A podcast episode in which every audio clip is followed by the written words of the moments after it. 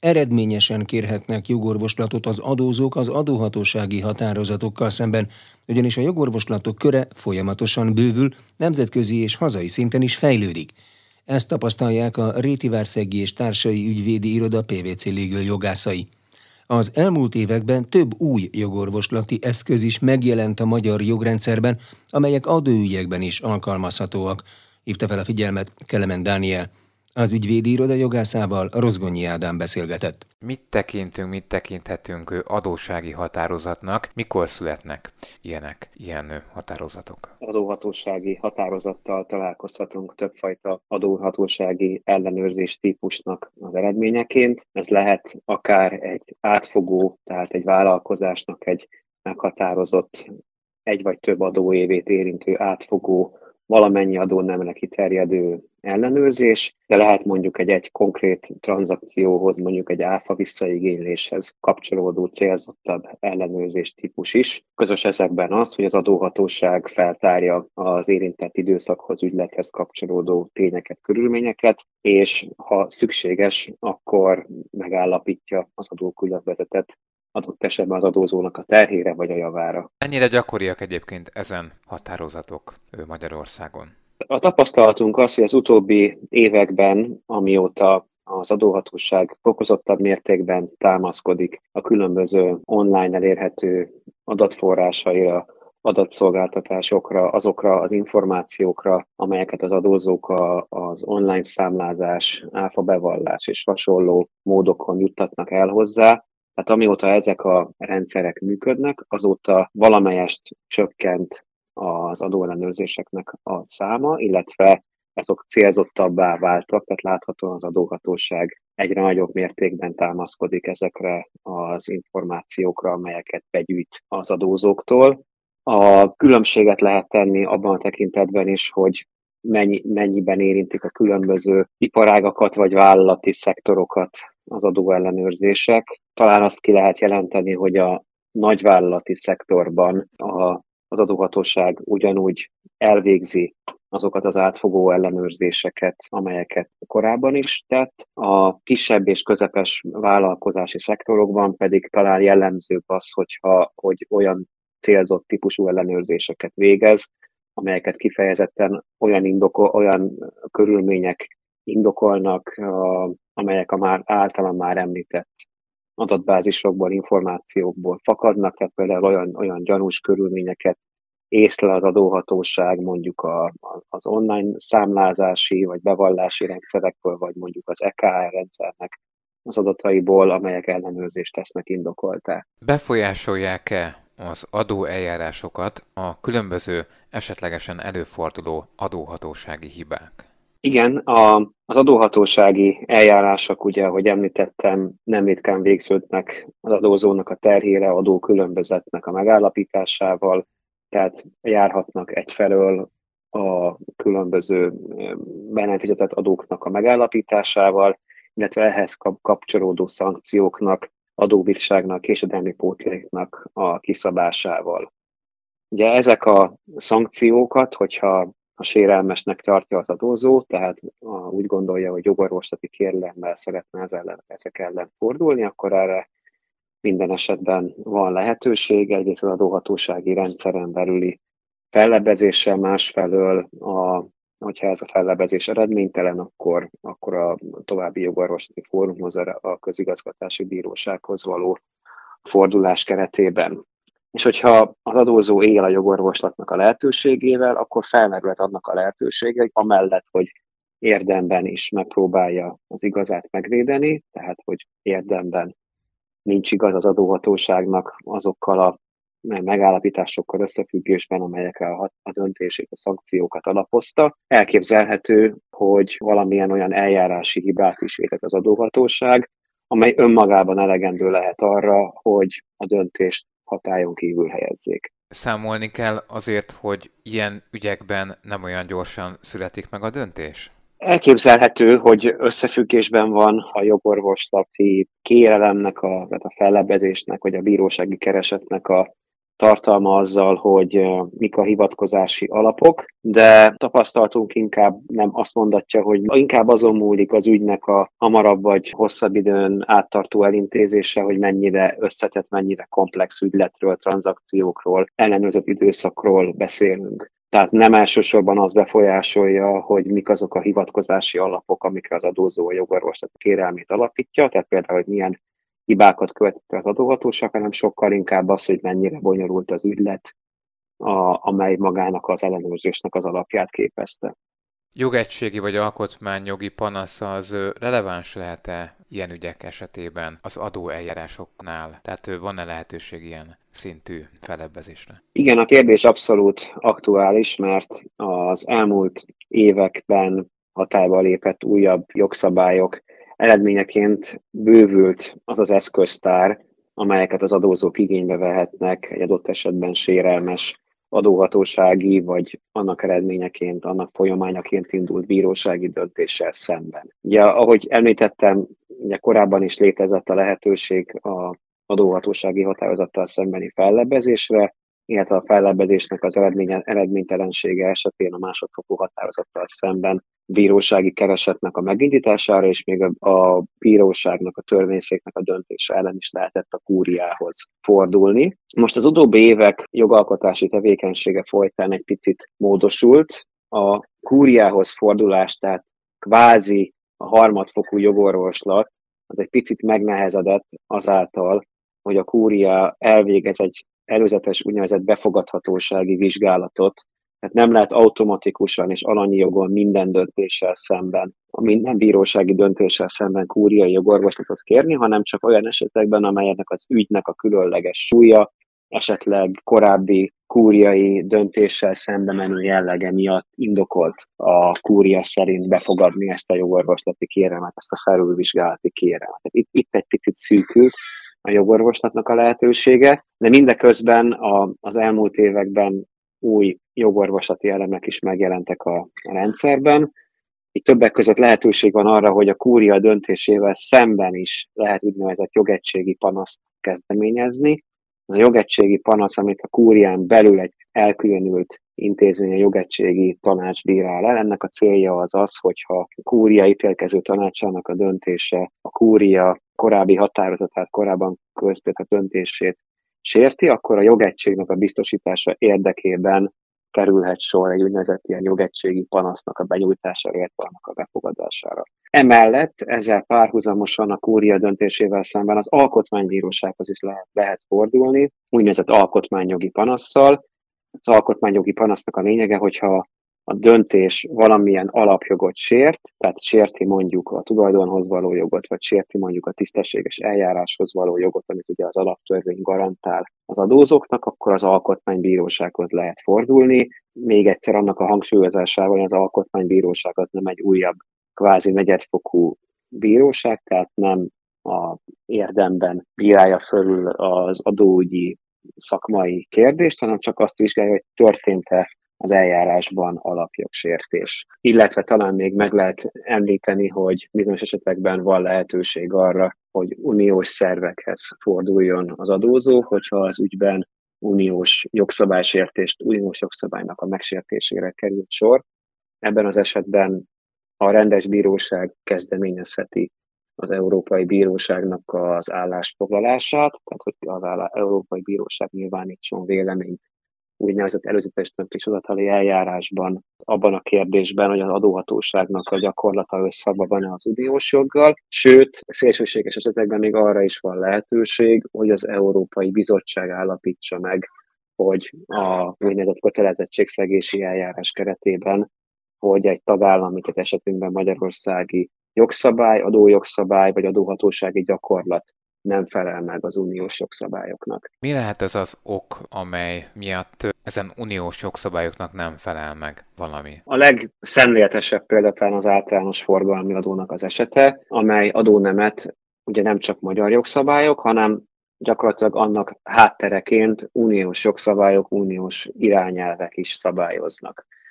Tehát a, azok a magyar jogszabályok, amelyek az általános forgalmi adónak a, a megfizetését szabályozzák, azok összhangban kell lennie az uniós áfajoggal is, illetve az adóhatóság, amikor kialakítja a jogalkalmazási gyakorlatát, tehát amikor értelmezi a magyar illetve az uniós jogszabályokat, akkor tiszteletben kell tartania és követnie kell az uniós jogot, illetve az uniós bíróságnak a korábbi döntéseit. És abban az esetben, hogyha az adózó arra hivatkozik, hogy akár az adóhatóságnak a jog értelmezése, akár maga az az esetben a magyarországi jogszabály, hiszen ilyenre is sor kerülhet, ellentétben áll, nem felel meg az uniós irányelvel, akkor sor kerülhet egyfelől az, az uniós Európai Unió bíróságának, illetve egyes esetekben az Európai Bizottságnak az eljárására is. Kelemen Dánielt a Réti Várszegi és Társai ügyvédi iroda PVC Legal ügyvédjét hallották. Folytatjuk a beszélgetést a Réti Várszegi és Társai ügyvédi iroda PVC Legal ügyvédjével,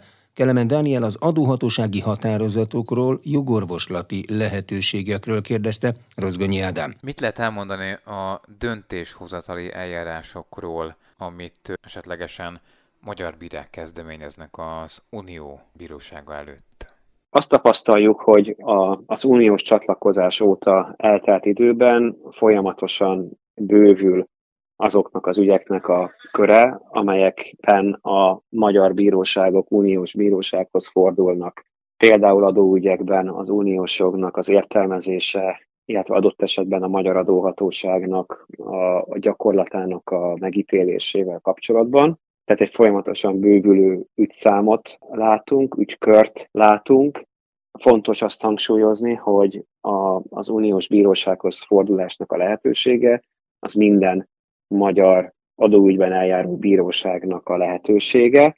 Ezt elvileg nem korlátozhatja semmilyen külső más bírósági fórum, vagy felettes, szerv, felettes bírói szerv, vagy akár a magyar jogalkotó sem. Tehát ez a, az uniós bírósághoz fordulásnak a lehetősége az uniós alapszerződések által biztosított. A másik érdekes terület, ugye a korábbi kérdésre adott válaszom kapcsán említettem a, az egyes ágazati egyes adónemekhez kapcsolódó uniós jogszabály, például az ÁFA irányelvet, amelynek az értelmezése kapcsán mondjuk egy magyar bíróság az uniós szervekhez fordulhat, de nagyon érdekes, hogy vannak olyan helyzetek, amikor nem ilyen, ahogy tetszik, ágazati uniós jogszabályoknak az értelmezésére kerül sor, hanem az uniós alapszerződéseknek, illetve az uniós alapszerződésekben biztosított alapvető szabadságoknak az esetleges megsértése, illetve az értelmezése merül fel egy adóügyben ilyen, ilyen alapszabadság, ugye a tőke szabad mozgása, vagy a letelepedés szabadságának, illetve a szolgáltatás nyújtás szabadságának a biztosítása.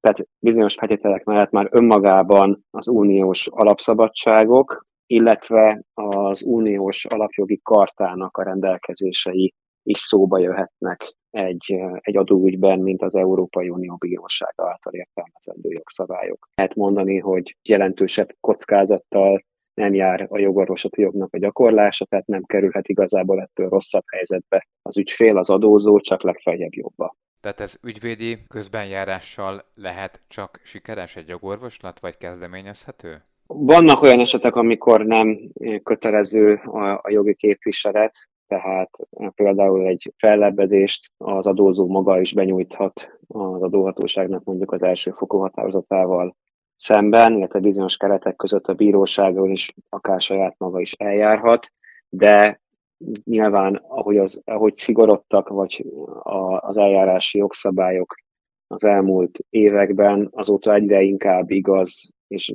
az a tanácsunk, amit szoktunk az ügyfeleknek mondani, hogy már az ügynek a legelső szakaszában gondoskodjon jogi, illetve adótanácsadói segítségnek az igénybevételéről. Itt a más nem mondjak, ugye most már évek óta az új adóigazgatási rendtartásnak a hatályba lépése óta létezik az a szabály, amelynek értelmében új bizonyítékra, új tényre, körülményre már nem lehet a másodfokú eljáráson, illetve a bíróság előtt hivatkozni adóügyekben tehát a célszerű a megfelelő szakértelemnek az igénybevétele az eljárásnak már meg első ellenőrzéssel kapcsolatos szakaszában, hogy a szükséges szakértelemnek az igénybevételével felderítsék, a, felderítsék közösen az ügyfél és a, az ügyvéd, illetve adótanácsadó kolléga hogy milyen potenciális bizonyítékok szolgálhatnak mondjuk az adózónak a védelmére. Emellett még, még, még megegyezném, hogy beszélgettünk a interjú elején a különböző eljárási hibáknak a lehetőségéről. Ugye ezek is tipikusan olyan, olyan lehetőségeket, amelyeket a laikus ügyfél jellemzően magától nem ismer fel, hanem ehhez olyan az ügyhöz értő külső szakértőnek a bevonására van szükség, aki viszont már sok ilyen ügyet látott. Az utóbbi időben jellemzőek, illetve gyakran előfordultak a, olyan ügyek, ahol például az életbetekintésnek a jogát csak korlátosan lehetett gyakorolni, vagy ahol az eljárási határidőknek a megtartására nem került sor a hatóság részéről, adott esetben az elévülésre nem hivatkozott az adózó, és ezek mind olyan esetek, amelyek, amelyekre, amelyekre jó eséllyel lehet egy jogorvoslati eljárásban hivatkozni, hogyha a megfelelő szakértelem bevonásra kerül az ügybe. Kelemen Dánielt a Réti Várszegi és Társai Ügyvédi Iroda PVC légülügyvédjét hallották. Paragrafus. Minden, ami jog. Az erdők területe és természetességi állapota nem fog csökkenni, és nem is csökkenhet a fakitermelés szabályainak enyhítését célzó új kormányrendelet hatására, tájékoztatta az Inforádiót az Agrárminisztérium erdőkért felelős államtitkára.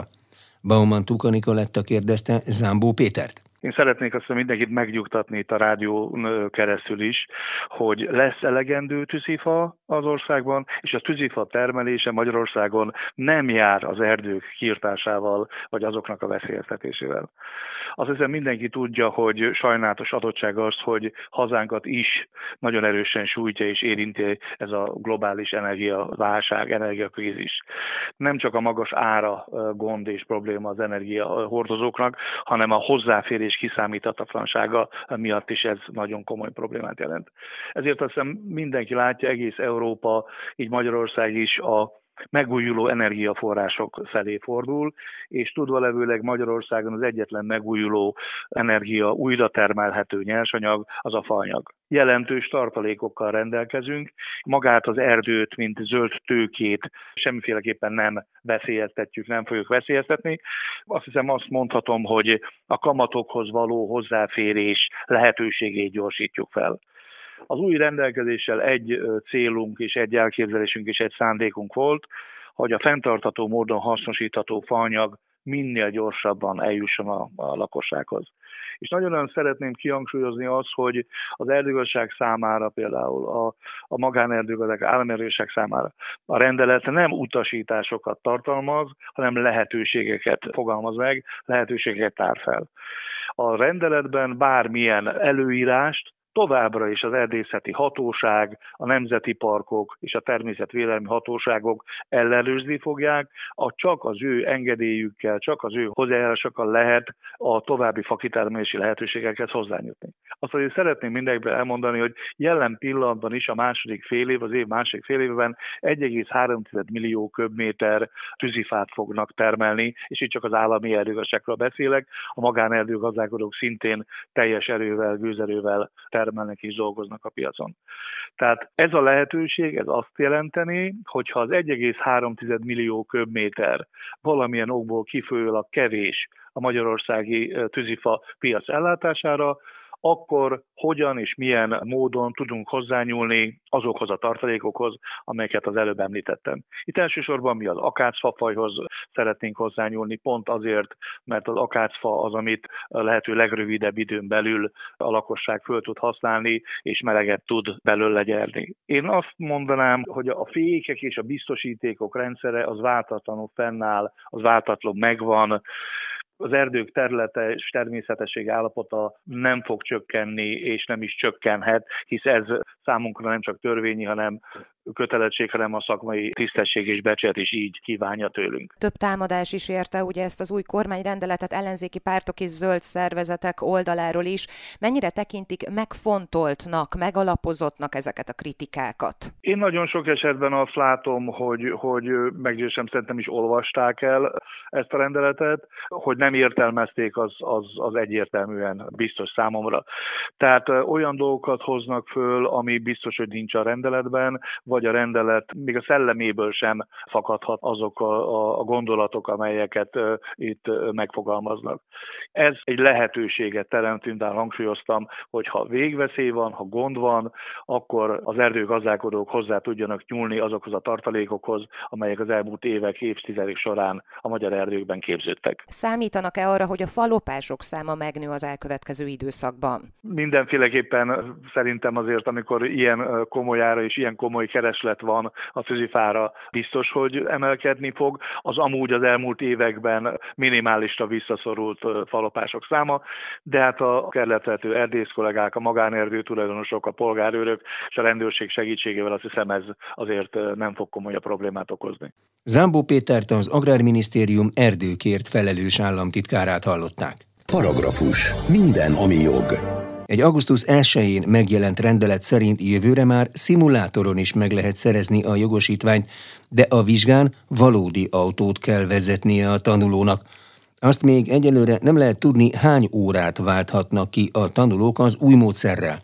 Rozgonyi Ádám összeállítása. Az új lehetőség csak az oktatásra vonatkozik, a vizsgáztatásra nem, mondta az Inforádiónak Kovács Kázmér ügyvéd, a Magyar Autóklub jogi bizottságának elnöke. Úgy gondoljuk az autóklubba, hogy ez mint alternatíva előnyös dolog. Lehet, hogy az oktatók számára most adott esetben egy többletkiadással jár, és még az sem kizárt, hogy ezt áthárítják a tanulókra, de a hosszú távon egy ilyen költségtöbblet nem igazolható még az oktatók részéről sem, hiszen most ugyan kell egy beruházást végezniük, de ezzel, hogy a szimulátoron tanítják a tanulókat, azzal viszont a gépkocsi igénybevétele marad el, az amortizáció. Tehát én azt hiszem, hogyha a pilóták képzésében szimulátorokat rendszeresen használják és eredménnyel, akkor ez a gépjármű vezető oktatásnál is egy elfogadható alternatíva. A közlekedési szakjogász szerint autóvezető oktatókra ezután is szükség lesz. Szükség van az oktatókra, hiszen az oktatók azért nem csak a technikai részét mondják el a tanulóknak a járművezetés oktatás során, hanem azokat a gyakorlati tapasztalatokat is, amelyekkel a tanulók nem rendelkeznek, az oktatók viszont igen, mire kell figyelni, mi a váratlan helyzet, ami adódhat, és a többi. A Technológiai és Ipari Minisztérium szerint a szimulátor csak választható, és beruházási költsége megegyezik egy oktatóautó árával. A fenntartási költsége viszont jóval alacsonyabb. A tárca közlése szerint a részletek kidolgozása még folyamatban van, a szimulátoros képzések leghamarabb egy év múlva indulhatnak. Rozgonyi Ádám Borbély Zoltánt is megkérdezte a jogosítvány szerzéshez kapcsolódó változásokról. A közlekedési szakjogás szerint pozitívum, hogy bizonyos, a forgalomban nem gyakorolható baleseti szituációkra szimulátor segítségével is fel lehet majd készíteni a vezetni tanulókat. Mindenképpen pozitívnak tartom azt, hogy bizonyos baleseti szituációkat, amelyeket a forgalomban nem lehet gyakorolni, szimulátor segítségével lehet szimulálni szó szerint, tehát lehet olyan helyzetet teremteni, amelyet egyébként a forgalomban életveszélyessége miatt nem lehetne. Tehát én azt gondolom, hogy ez mindenképpen jó dolog, tehát az is fontos, hogyha pilótákat lehet ugye képezni szimulációs eszközök segítségével, szimulátor segítségével, akkor én azt gondolom, hogy járművezetőket is lehet képezni. Ettől függetlenül ezt még nem lehet tudni, hogy a levezetendő 30 órából, amiből ugye 29 órát kell vezetni, egy óra a vizsga időtartama, ebből tulajdonképpen mennyi lehet a szimulációval elvégzett óra. Itt 10 órát mondtak, de ez még nem teljesen tisztázott, tehát adott esetben nem az összes, tehát nem az összes gyakorlati oktatás lenne szimuláció segítségével, hanem tulajdonképpen ennek egy hányada csak, mondjuk 10 óra, vagy ennek egy nagyon rövid tartama, tehát nem feltétlenül az összes gyakorlati képzés lenne szimuláció segítségével. A szimuláció azért nagyon fontos, mert olyan helyzeteket lehet gyakorolni, amelyeket a forgalomban baleseti veszélyessége miatt lehetetlenség.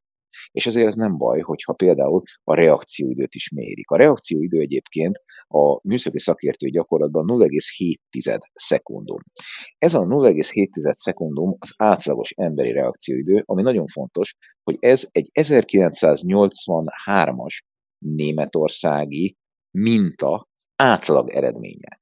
Tehát a reakcióidő mindenkinek más. Van, akinek 0,7 szekundum, van, akinek esetleg több, van, akinek kevesebb. Mondjuk élsportolóknak, boxolóknak, kézilabdázóknak, jó reflexű sportolóknak sokkal jobb a reakcióideje. Vannak olyanok, akiknek egyéniesített reakcióidővel számolnak, de a mai műszaki szakértői gyakorlat egy szekundumot tekint a betudható késedelmnek. Ez az egy szekundum úgy tevődik össze, hogy 0,7 szekundum az átlagos emberi reakcióidő, és ebből 0,3 szekundum az úgynevezett fékfelfutási idő. Ezért az egy szekundum fölötti késedelmet értékeli a gyakorlat már kresszabályszegésnek, azaz, hogyha késedelmesen reagál valaki egy szituációra, még akkor is, hogyha elsőbségi helyzetben van, vagy még akkor is, hogyha nem neki kell elsőbséget adni, akkor már a bírói gyakorlat megállapíthatja a felelősséget. Tehát egy szekundum fölötti reakcióidőnél már a bírói gyakorlat büntetőgi felelősséget állapít meg.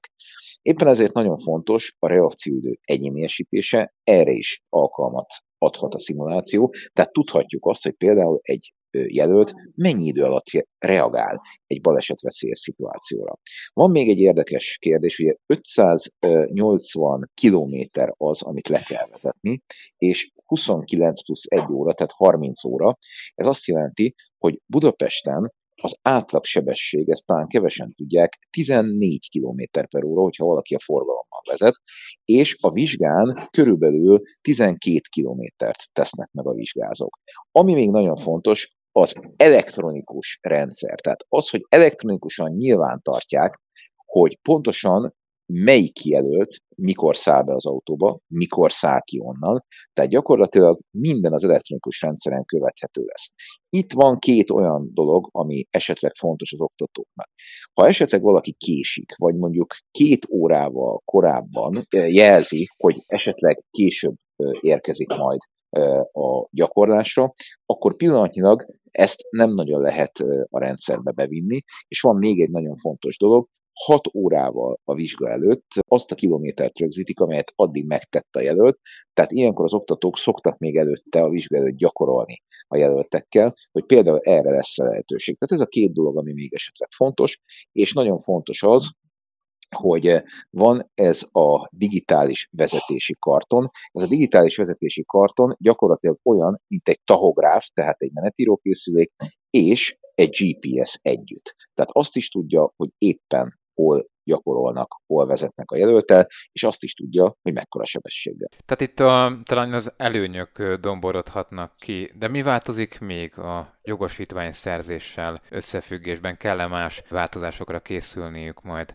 a leendő autóvezetőknek jövőre? Hát tulajdonképpen e, itt egy rendeletmódosítás történt, és ez a rendeletmódosítás minden esetben a digitalizáció felé megy, tehát könnyen, például elektronikus módon is lehet vizsgázni, és a vizsgára gyakorolni is lehet, és ezeket a gyakorló paneleket meg lehet vásárolni. Tehát gyakorlatilag a digitalizáció itt is teret nyer, tehát az elektronikus vizsga nagyobb szerephez fog jutni.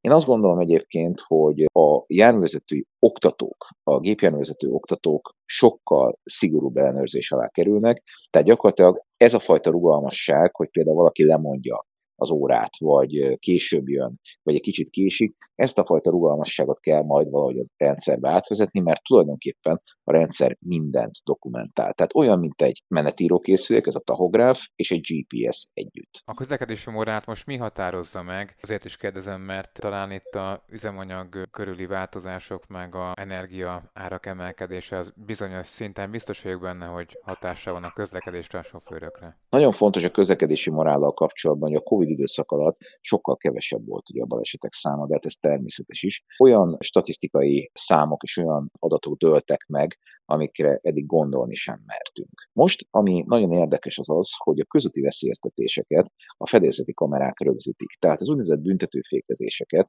a fedélzeti kamerák felveszik, és ez bizonyítási eszközként felhasználható. Tehát sokkal kisebb a látenciája a közötti veszélyeztetésnek, mint korábban. Mert korábban ezeket általában tanúval bizonyították, és ugye a tanúbizonyítás az sokkal, de sokkal kevésbé volt objektív, mint mondjuk egy fedélzeti kamera.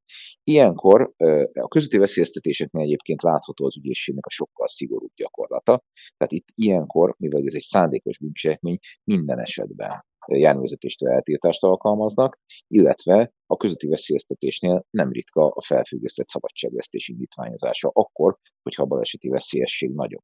Hogyha a közötti veszélyeztetés talaján ö, testi sértés is kialakult, egy súlyos testi sérülés, akkor a felfüggesztett szabadságvesztés gyakorlatilag borítékolható, és hogyha a közötti veszélyeztetés talaján halálos ö, eredmény következik be, akkor ez majdnem biztos, hogy végrehajtandó szabadságvesztéssel jár, hiszen a halált okozó közötti veszélyeztetés már 5-10 évig terjedő szabadságvesztéssel büntetendő. A közlekedési morál ö, ö, szerintem nagyon fontos az, hogy ö, ugye nem mindegy, hogy nyár van, nem mindegy, hogy ö, milyen időszak van, és az sem mindegy, hogy milyen a forgalom, tehát, hogy amit mondtam, 14 km per óra Budapesten az átlagsebesség, ami szerintem nyilván a dugók miatt elég alacsonynak mondható, de én azt gondolom, hogy ennél sokkal-sokkal rosszabb helyzet is volt. Például a magyar közlekedés fekete éve 1992 volt, ahol egy városnyi ember vesztette életét közúti balesetekben. Ekkor jött az úgynevezett fehér könyv, az Európai Unió előírta, hogy a halálos baleseteket a felére kell csökkenteni. Ezt Magyarországon akkor nem lehetett teljesíteni, végül is az egyharmadával való csökkenésben maradtak, de a 92-es számokhoz képest most már sokkal, sokkal kedvezőbbek az adatok, tehát a halálos közötti balesetek száma hál' Istennek csökken. A közlekedési morál pedig ugye a közötti veszélyeztetések miatt romlik, viszont a látencia, tehát az, hogy ez rejtve maradjon, ez sokkal kisebb, hiszen a fedélzeti kamerák ezeket a közötti veszélyeztetéseket rögzítik. Borbé Zoltán közlekedési szakjogást hallották. Paragrafus. Minden, ami jog.